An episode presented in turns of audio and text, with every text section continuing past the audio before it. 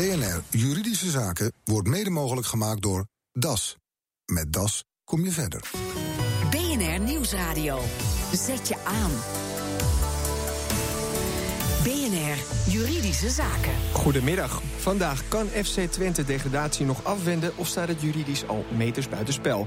En de juridische vraag over btw-teruggave over zonnepanelen. De Belastingdienst betaalt maar een derde in plaats van 100% Moeten we bezwaar maken op deze beslissing van de Belastingdienst... of valt hier juridisch niets tegen in te brengen? Ronald Olstorn. FC Twente is verwikkeld in een verbeterde juridische strijd om degradatie naar de Jupiler League te voorkomen. En daarvoor laat het geen enkele beroepsmogelijkheid onaangewend. Of de club in zijn recht staat, daarover straks de professionals. Maar eerst collega Nelleke van der Heijden. Wat heeft FC Twente ook alweer allemaal op zijn kerfstok? Nou, daarover heb ik even gebeld met uh, Tijmen van Wissing. Hij is Twente-watcher voor RTV Oost. En hij zei, nou, ze zijn stelselmatig eigenlijk de boel aan het belazeren. Dat is in elk geval de lezing van de KNVB natuurlijk. En hij somt op waar je dan zo aan kunt denken. Eerst uh, de zaak met Doyen, de investeringsmaatschappij. Er waren zoveel aanhangsels. Die maatschappij had invloed op spelers en dus ja, ook bij het verkopen van spelers. En dat mag in Nederland niet. Verder zijn er nog loesje afspraken gemaakt in de zaak Tadic, speler die overkwam van Groningen. Uiteindelijk moest daar nog 1,8 miljoen euro worden opengemaakt aan de zaakwaarnemer. Nou, dit is allemaal buiten de boeken gehouden. Maar ook bij corona en spelers als Sier stinkt de zaak aan alle kanten. Kortom, Twente heeft jarenlang iedereen voor de gek gehouden. En ja, dus competitievervalsing, zegt de KVB. Ja, dat is inderdaad niet niks. Uh, dan lijkt het besluit van de KVB logisch. Maar wat zou degradatie voor de club betekenen? En die vraag heb ik ook weer even voorgelegd aan Tijmen van Wissing. Hij zei ja, de schuldenlast is al tientallen miljoenen euro's. En het is niet helemaal te overzien uh, hoe het nou verder gaat lopen.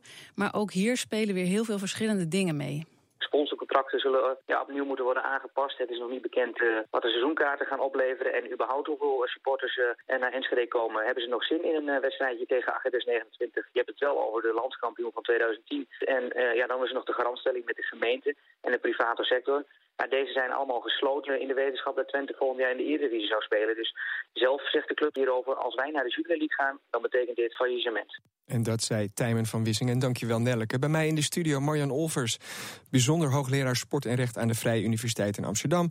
Piet Hein Boekel, sportrechtadvocaat bij Certa Legal. En Rocco Mulder, advocaat bij Pot en Jonker. En curator in het verleden onder andere bij het ter ziele gegaane HFC Haarlem. Van harte welkom allemaal. Um, als we gelijk eventjes bij dat HFC eh, Haarlem uh, gaan. Failliet gegaan in 2010, het jaar dat FC Twente nog landskampioen werd. Uh, die club stond er eigenlijk florissant voor als je het vergelijkt nu met FC Twente. Nou, florissant is wat overdreven. Die stonden helemaal onderaan in de eerste divisie. Uh, de sportief ging het niet echt goed. Administratief hadden ze de zaak ook niet op orde. En financieel stonden ze er ook belapperd voor. Maar de schuld was eigenlijk een, eh, een peulenschil vergeleken met die van Twente, toch? Ja, dat wel. Uh, ongeveer 2 miljoen, maar ook maar met een omzet van ongeveer 2 miljoen. Ja, um, maar we hoorden het net al allemaal eventjes opgezomd worden door de, door de journalist uh, van Tubantia. Um, FC Twente heeft er echt wel echt een puinzo van gemaakt, hè, mevrouw Offers. Wat is nou het meest flagrantste wat u gehoord heeft de afgelopen tijd, wat naar boven is gekomen? Oh nee, het is een optelsom. Voor mij begon het eigenlijk al dat ze aan het knoeien waren met een jaarrekening. Hè, twee verschillende jaarrekeningen. Ik hoorde later ook nog een andere versie. Vervolgens Doyen, uh, waarvan alles ook uh, mis mee was. Uh, fraude. Ik hoor dat er bestanden zijn geweest. Nou ja, hoeveel moet je nog meer hebben? Ja, en is dat allemaal ook toch kwade opzet geweest? Of dan toch nog ergens in het achterhoofd van... ja, we willen gewoon dat het goed gaat met ons clubje? Nou, een feit is dat de Fiat uh, nu op de stoep is uh, verschenen. Nou, die komt meestal niet zomaar.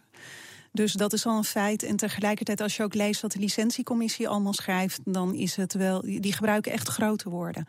Oké, het kort geding is geweest uh, vorige week. Piet Hein Boekel.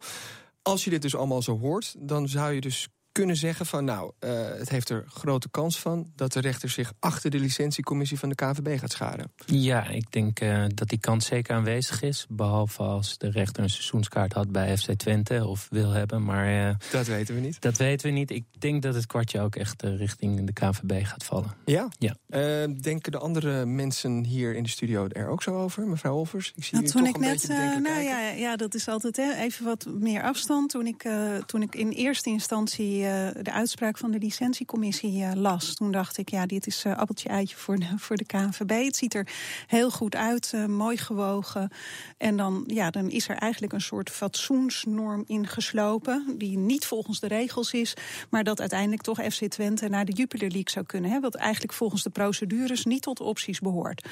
Um, maar vervolgens heb ik natuurlijk ook eventjes wat onderzoek gedaan naar wat hier in die rechtszaak is gebeurd. En dan zijn er toch wat zaken die wel weer voor Twente pleiten. En dat is ook gewoon het onhandig opereren of wat onverstandige mails uh, versturen. Van goh, waaruit uh, Twente zegt opgemaakt te hebben van ja, weet je, toen was het eigenlijk afgerond. En waarvan natuurlijk de KVB... En dat is dus die bewuste periode medio december waarin gezegd werd... van jullie krijgen een voorwaardelijke licentie als jullie volledige medewerking verschaffen. Ja. En nou ja, maar... Ja. En daar, en daar wegen dan twee zaken tegen elkaar op. Dus zegt aan de ene kant uh, FC Twente natuurlijk... kijk, we hebben netjes gedaan en u heeft de verwachting bij mij gewekt... dat ik dit ook allemaal heb gedaan. En aan de andere kant staat de KNVB en die zegt... ja, weet je, daarvan had u niet uit mogen gaan... en dat het allemaal nu, uh, nu goed was. Want ja, er komen natuurlijk allemaal nog dingen naar boven... die wij niet wisten en ja. ook niet hadden kunnen weten. En die moeten we wel meewegen bij het licentiesysteem. Nog meer lijken uit de kast. Meneer Mulder, hoe, denk, hoe kijkt u er naar? Nou, ik denk dat met name van belang is dat de beroepscommissie gewoon een uitspraak doet in deze zaak. Uh, en als het goed van de KVB dan? Van de KVB. Ja, we, nu nog even over de kortgedingrechter in Utrecht. Ja, maar de vraag is of de kortgedingrechter zich zal inlaten ten gronde met deze zaak. Ik denk dat toch het, uh, het meest verstandige zou zijn om eerst de beroepscommissie aan het woord te laten. Dat is en, een beetje het formele verweer, hè? maar we hebben ook eigenlijk al gezien dat de rechter zich best wel actief heeft opgesteld op de zitting. Ja, dat heb ik ook gezien. Ik heb het uh, allemaal live kunnen volgen op RTV Oost. Uh, de livestream tegenwoordig uh, hoef je niet eens meer naar een rechtszaal, rechtszaal toe. Um, ik vond inderdaad dat de rechter zich heel erg indringend inliet met de zaak zelf. Dat is op zich ook goed, denk ik. Um, maar uiteindelijk denk ik, ja, wat is nou het spoedeisend belang uiteindelijk... Hè, als de beroepscommissie op 13 juni uitspraak gaat doen... Ja, er zitten maar drie dagen tussen 10 juni uitspraak kortgedingrechter... en 13 juni uitspraak beroepscommissie. Ja, ja, helemaal eens. Ja, want dat, dat speelde eerst hè, natuurlijk de kaart die getrokken werd door de advocaat van FC Twente. Dat gaat allemaal heel lang duren, maar het blijkt helemaal niet zo lang te duren. En dan zou het toch wel een mooie boel zijn in verenigingsrechtelijke Nederland, hè, in het, binnen het verenigingsrecht, dat je tussentijds even naar de rechter gaat terwijl je eigen beroepsgang nog niet klaar is. En maar is het te begrijpen dat Twente alvast deze stap naar de kortgedingrechter heeft gezet? Pieter ja, ik denk dat ze natuurlijk uh, best in een moeilijke positie zitten. Dus uh, ja, wat dat betreft uh, ga je alle opties afwegen en dan dan, uh, ja, dan is kort geding daar één van. En dan heb je straks nog de beroepscommissie eventueel. Als het kwartje niet jouw kant op valt. En uh, ik denk dat die uh, rechter eigenlijk de zaak zo interessant vindt... dat hij niet zo snel zal zeggen van... nou, ik, uh, ik uh, ben onbevoegd en je moet eerst langs de weg, langs de beroepscommissie. Dus jij denkt dat hij wel inhoudelijk een oordeel ik gaat denk dat hij wel, ja, want anders had hij het misschien al vervroegde uitspraak gedaan... na één of twee dagen. Dan had hij gewoon gezegd van... ja, ik ben onbevoegd en je moet eerst langs de beroepscommissie. En dat heeft hij niet gedaan, dus ik...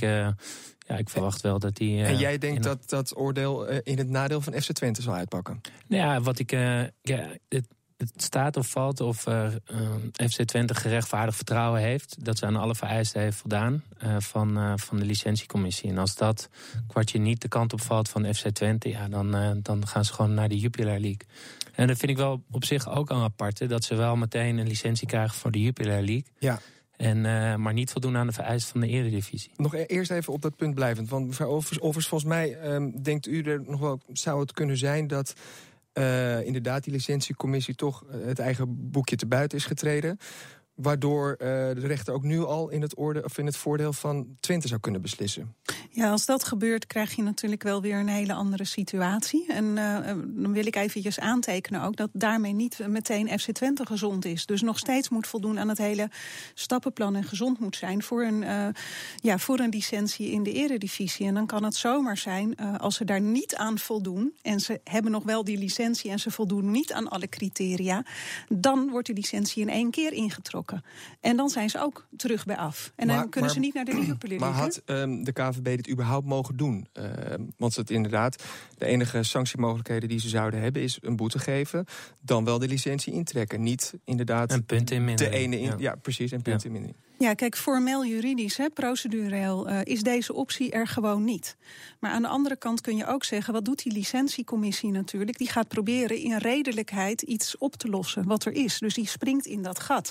En uiteindelijk is het dan wel een orgaan van de KNVB met maar één doel: dat die clubs niet tussentijds het speelseizoen hè, failliet uh, raken. En moet dat steeds in ogenschouw nemen bij zijn besluit. Dus ik denk dat ze ja, die Want vrijheid hebben genomen. Is, is dat licentiesysteem in het leven geroepen? Zeg dat is oorspronkelijk de gedachte achter het licentiesysteem is alleen maar dat clubs tussentijds in het speelseizoen niet failliet raken. Omdat je wil weten wie uiteindelijk de uiteindelijke winnaar is. En daar moet het speelveld voor compleet zijn. Niet zo erg als een club die tussentijds in het speelseizoen failliet gaat. Meneer Mulder? U denkt dat, dat de rechter hier helemaal niet aan toe komt? Dit wordt een, eh, een kostje later voor, voor de beroepscommissie van de, de KVB zelf? Ik denk dat als de kortgedingrechter daar nou eens eh, goed naar kijkt... dat hij uiteindelijk uh, zal verwijzen naar de beroepscommissie... maar tegelijkertijd zal kunnen zeggen dat als de Twente nou niet bevalt... wat daaruit komt, dat de volgende dag de zitting weer eh, open staat... de zittingdeuren weer openstaan voor een verdere procedure. Dat zou kunnen. Ja, dus een bodemprocedure een bodemprocedure, maar misschien ook een nieuwe kortgedingprocedure. Omdat die nieuwe licentie die zou moeten ingaan per 1 juli. Nou, tussen 13 juni en 1 juli zitten maar een paar weken. Dus als er dan nog iets moet gebeuren, dan eh, zou er weer een nieuwe rechtsgang eh, kunnen komen. Uh, maar is dit een zaak die zich, nou ja, kort geding misschien wel, maar stel, ze willen ook gewoon een bodemprocedure aanspannen, toch? Dit, deze zaak leent zich daar toch eigenlijk niet voor? We moeten toch zo snel, mee, zo snel mogelijk weten waar iedereen naartoe is? Nou, op zich is de gang naar de beroepscommissie de procedure. Uh, de civiele rechter, dat is eigenlijk een restrechter. Daar ga je alleen naartoe als je zegt dat in redelijkheid de beroepscommissie niet tot dat oordeel heeft kunnen komen. Uh, en dat kan dus wel een hele lange civiele procedure worden. Maar dat is dus een, uh, ja, een, tweede kans voor Twente, zullen we maar zeggen. Ja, en misschien zijn ze tegen die tijd alweer terug in de Eredivisie, mochten ze degraderen. Maar we gaan even eruit voor de reclame. En strakjes, Twente valt dus aan, ook in de rechtszaal is dat daar ook de beste verdediging. BNR Nieuwsradio. Zet je aan. BNR Juridische Zaken. Vandaag hebben we het over de juridische strijd tussen FC Twente en de KNVB. De bond wil de club laten degraderen. Maar de Tukkers doen er alles aan om in de eredivisie te blijven. Bij mij in de studio hoogleraar sport en recht Marjan Olver... sportrechtadvocaat Piet Hein Boekel... en advocaat en curator Rocco Mulder. Van harte welkom nogmaals. Um, meneer Mulder, Twente zegt ook van... ja, mochten wij nu echt uh, moeten afzakken naar de Jupiler League... dan betekent het gewoon het einde voor onze vereniging, voor onze BVO. Um, u heeft dus vaker met het bijltje gehakt in het verleden, onder andere bij HFC Haarlem. Hebben zij wat dat betreft een punt? Nou, ik denk dat ze wel een punt hebben. Ik denk dat er veel contracten zijn waar allerlei clausules in staan. Uh, die misschien opengebroken worden, die contracten, bij degradatie. Uh, maar het is maar even de vraag wat al die sponsoren en al die partijen gaan doen daadwerkelijk. Want ze zien de struggle van uh, Twente. Ja, nou ja. Dus het is niet gezegd hè, dat ze Die ook rennen weg toch gaan. dan, of niet? Nou, dat hoeft niet. Um, uh, het hoeft natuurlijk niet zo te zijn dat uh, partijen allemaal weglopen. Het kan zijn misschien dat er aangepaste contracten komen. Maar dat is aan Twente om daarover te gaan onderhandelen. Hoe zit dat met die garantstelling van de gemeente? Want ze zeggen dat die natuurlijk ook afhankelijk is van het wel of niet acteren op het allerhoogste niveau? Nou ja, ik denk dat dat dan weer in de gemeenteraad weer allemaal uh, besproken moet worden. En uh, dan maar eens even zien wat er allemaal gaat gebeuren. Dat weet je niet van tevoren. En dan, komt, ja, dan komen er weer nieuwe krachten en zien we hoe dat speelveld er dan uitziet. Wat geven jullie voor de overlevingskansen van FC Twente in de eerste divisie?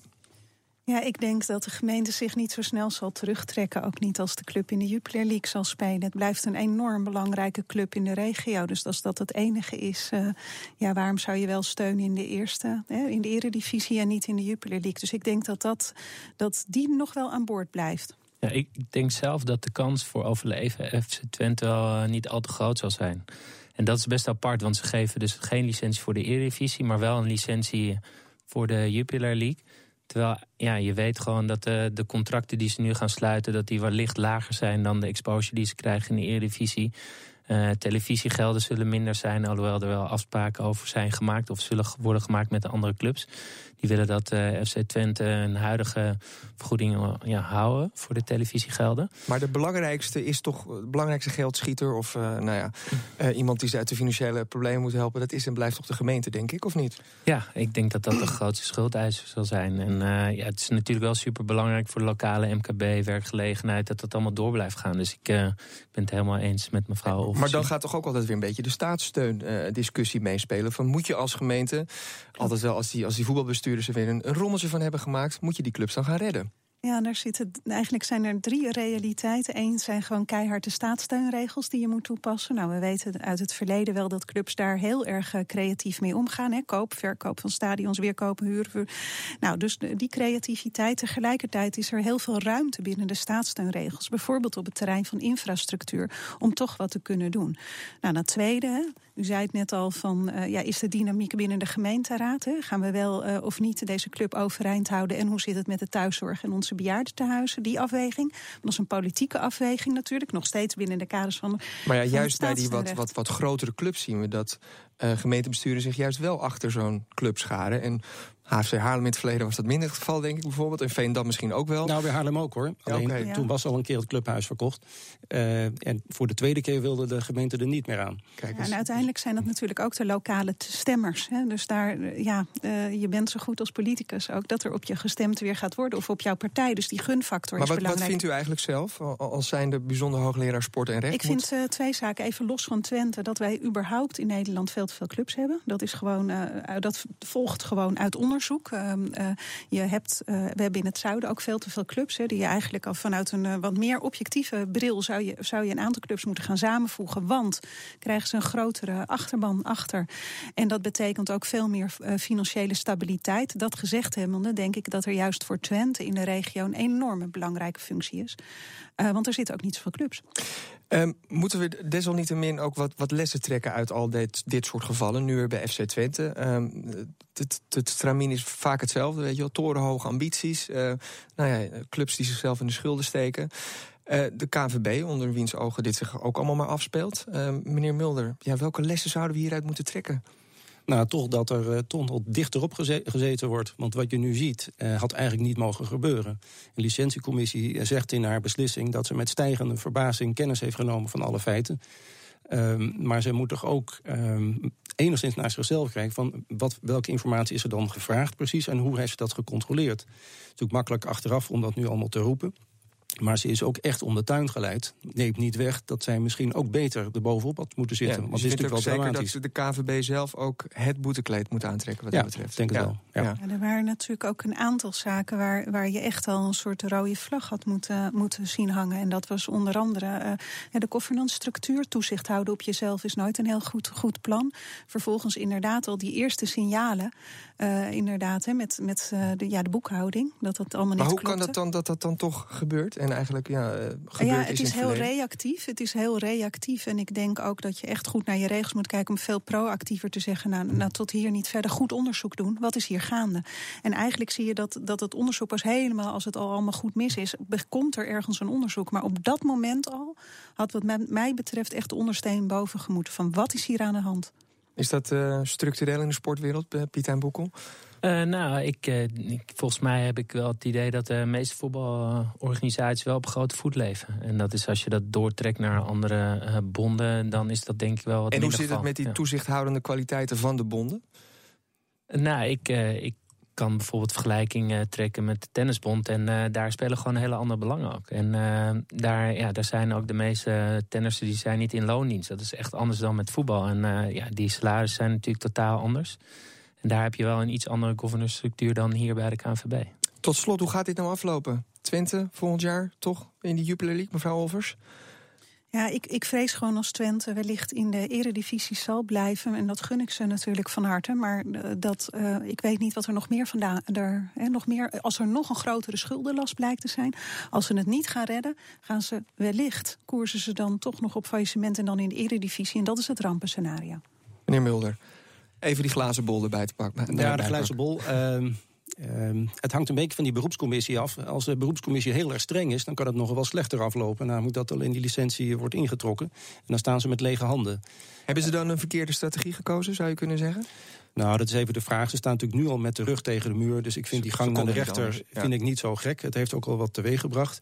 We weten nu ook allemaal wat er speelt. Nog veel meer dan wat er eerst uh, naar buiten is gekomen.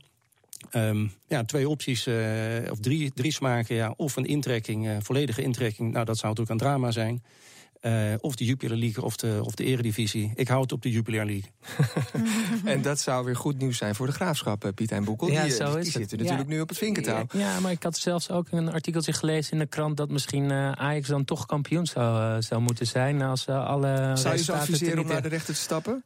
nee, misschien moeten we met z'n allen naar het Museumplein straks. Ik weet het niet. als jij een seizoenkaart hebt voor Ajax wel natuurlijk. nou, ik wil jullie allen hartelijk danken voor jullie komst naar de studio. Marjan Olvers, Piet Hein Boekel en Rocco Mulder. BNR Nieuwsradio. BNR Juridische Zaken. Een beetje ondernemen met zonnepanelen op je dak. En de Belastingdienst biedt ook nog eens een BTW-terugvraagvoordeel. Daar hoef je natuurlijk niet lang over te twijfelen als koper van een nieuwbouwwoning. Het verslag is van Nelke van der Heijden. Taco Bussen een mooie nieuwbouwwoning gekocht met geïntegreerde zonnepanelen. Dus u dacht energietechnisch ook helemaal goed bezig, maar er is toch een kleine maar? Ja, wij hadden inderdaad een uh, nieuwbouwhuis met daarop uh, de zonnepanelen die al geïntegreerd waren. De Belastingdienst die zou uh, het hele bedrag terugbetalen waar de kosten die zijn gemaakt voor het plaatsen hiervan. Alleen we kregen te horen dat het niet het hele bedrag, maar er slechts een derde wordt uitgekeerd. En, en daar zijn we het eigenlijk niet mee eens. Want waarom wordt er maar een derde uitgekeerd? De reden wat opgegeven is, is dat de zonnepanelen geïntegreerd zijn en dat het dus ook een dakbedekking is. Maar volgens mij is dat, uh, is dat eigenlijk niet waar, want het is niet in, in plaats van een uh, waterdichte dakbedekking, want het uh, laat gewoon water door. Dus onder de zonnepanelen ligt wel degelijk een, een dakbedekking. Ja, dus dan lijkt het een beetje vreemd dat daar dan een ander tarief of een andere regeling voor zou gelden dan voor gewone zonnepanelen bij de Belastingdienst. Ja, het lijkt mij inderdaad vreemd en het lijkt me ook juist zeg maar, het tegenovergestelde is waar, want bij verhuizing kunnen we onze zonnepanelen niet meenemen. Terwijl als je ze los op je dak hebt, dan kun je ze eventueel nog mee verhuizen en wij moeten ze achterlaten. Dus ik denk dat wij niet bevoordeeld, maar misschien zelfs wel benadeeld zijn met geïntegreerde zonnepanelen. Ja, dus dan zou u eigenlijk pleiten voor juist een omgekeerde regeling, dat je meer terugkrijgt van geïntegreerde dan van uh, gewone zonnepanelen? Ja, of, of in ieder geval uh, hetzelfde als bij uh, losse zonnepanelen, maar zeker niet minder. Nou, mijn vraag is, moeten we bezwaar maken op deze beslissing van de Belastingdienst... of valt hier juridisch niets